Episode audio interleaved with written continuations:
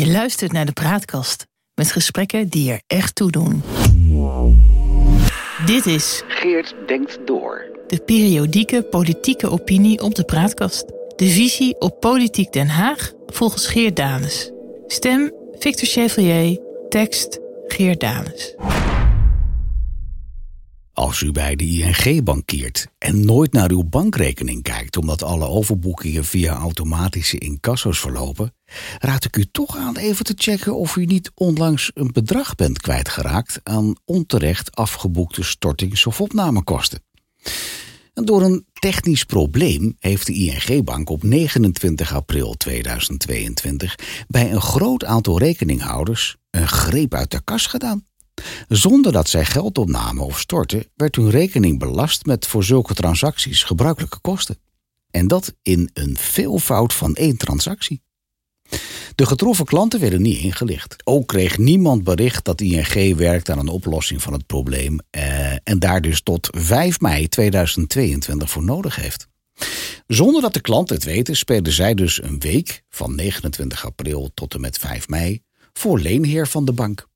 Per klant gaat het om een relatief geringe bedragen. Zelf werd ik voor 24 euro, vier afboekingen van ieder 6 euro, getild. Maar het totaal zal flink optellen. Want de ING heeft immers 8 miljoen rekeninghouders. Als daarvan de helft getroffen is door deze onbedoelde inbraak en alle hetzelfde bedrag kwijtraakten als ik, dan hebben we het wel over 96 miljoen euro. Een kleine 100 miljoen gratis en voor niks voor de rekeninghouders aan ING ter beschikking gesteld, zonder dat zij zich daarvan bewust waren. En misschien is het bedrag nog wel hoger, want ING wil geen informatie verstrekken. Wie bij ING een lening sluit, rood staat op de rekening courant of een debetstand heeft op de creditcard, betaalt al gauw 10% rente of meer. En waag het niet om een betalingstermijn te overschrijden. ING zelf drukt niet alleen heimelijk geld van de klandizie een week lang achterover, maar komt ook met geen enkele vergoeding over de brug.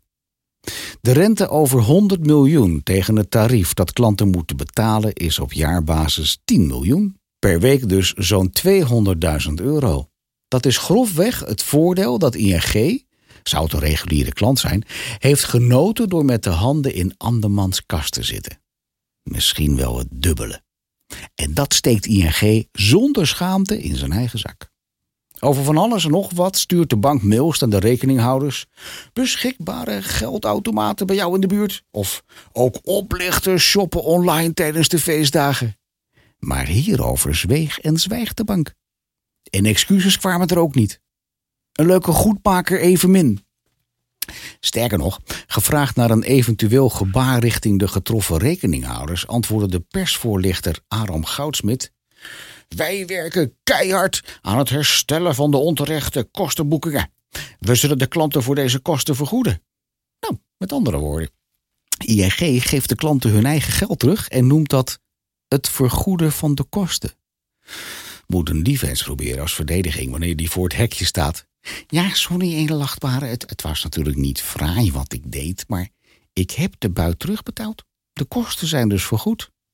Nou, mooi meneer, dan spreek ik u vrij. Ja, je gelooft het zelf. Voor talloze ING-cliënten zou het tijdelijk wegvallen van enkele tientjes geen probleem zijn. De 24 euro die ING mij afpakte, kan ik wel een weekje missen. Maar voor een bijstandsmoeder, en ook die bankieren bij de ING, is het de helft van het huishoudbudget voor een week. Tel daarbij op de narigheid die kan ontstaan als door zulks onvoorgoeds inbreken in je bankrekening een belangrijke incasso niet wordt uitgevoerd, omdat je saldo tekort hebt en je zit een mini-toeslagenaffaire opdoemen. Overdreven, denkt u? Nou, vraag maar even aan de slachtoffers van die affaire. Lang niet iedereen is alert op het verloop van de bankrekening. En juist degenen met financiële problemen hebben nogal de neiging de kop in het zand te steken in plaats van het saldo nauwlettend te volgen en proactief te handelen. Gelet op de povere reactie van de bank om opheldering over de kwestie, denk ik niet dat bij ING op het netvlies staat welke problemen deze handelswijze kan veroorzaken in individuele gevallen.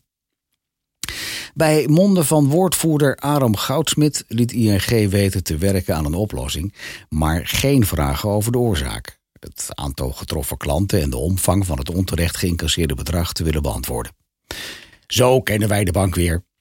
De klanten kunnen en mogen verwachten dat wij integer handelen, pocht ING in zijn Orange Code.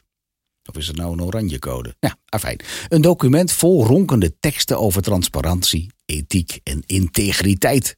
Al die verhaaltjes kunnen rechtstreeks naar de prullenmand als je de cliëntele volledig in het ongewisse laat over zo'n zaak en een paar nette vragen niet wenst te beantwoorden. Iedereen zou er begrip voor hebben dat dingen fout kunnen lopen. Maar doe er toch niet zo stiekem over ING. Was getekend Geer Dales, 2 mei 2022. De praatkast.